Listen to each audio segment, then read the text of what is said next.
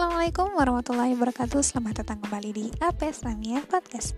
Selanjutnya itu ada nomor 2 Itu sebutkan dan jelaskan tiga pertanyaan pokok yang suka terdapat dalam ekonomi Islam.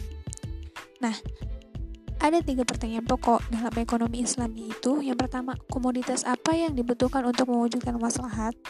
Nah, ekonomi Islam akan memilih pemanfaatan sumber daya untuk berbagai komoditas yang benar-benar dibutuhkan untuk mencapai falah atau kesejahteraan umat. Yang kedua, bagaimana cara menghasilkan komoditas agar maslahat tercapai? Nah, itu harus memproduksi dengan kemaslahatan.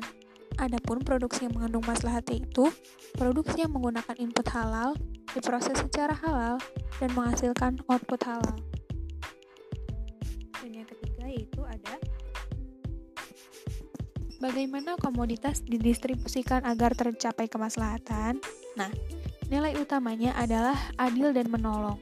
Jadi harus kepada individu secara adil dan mulai melalui mekanisme pasar atau takaful, tidak menimbun barang, sehingga setiap individu dapat merasakan kemaslahatannya. Mungkin itu saja. Selamat datang kembali di Apes Amia Podcast. Terima kasih.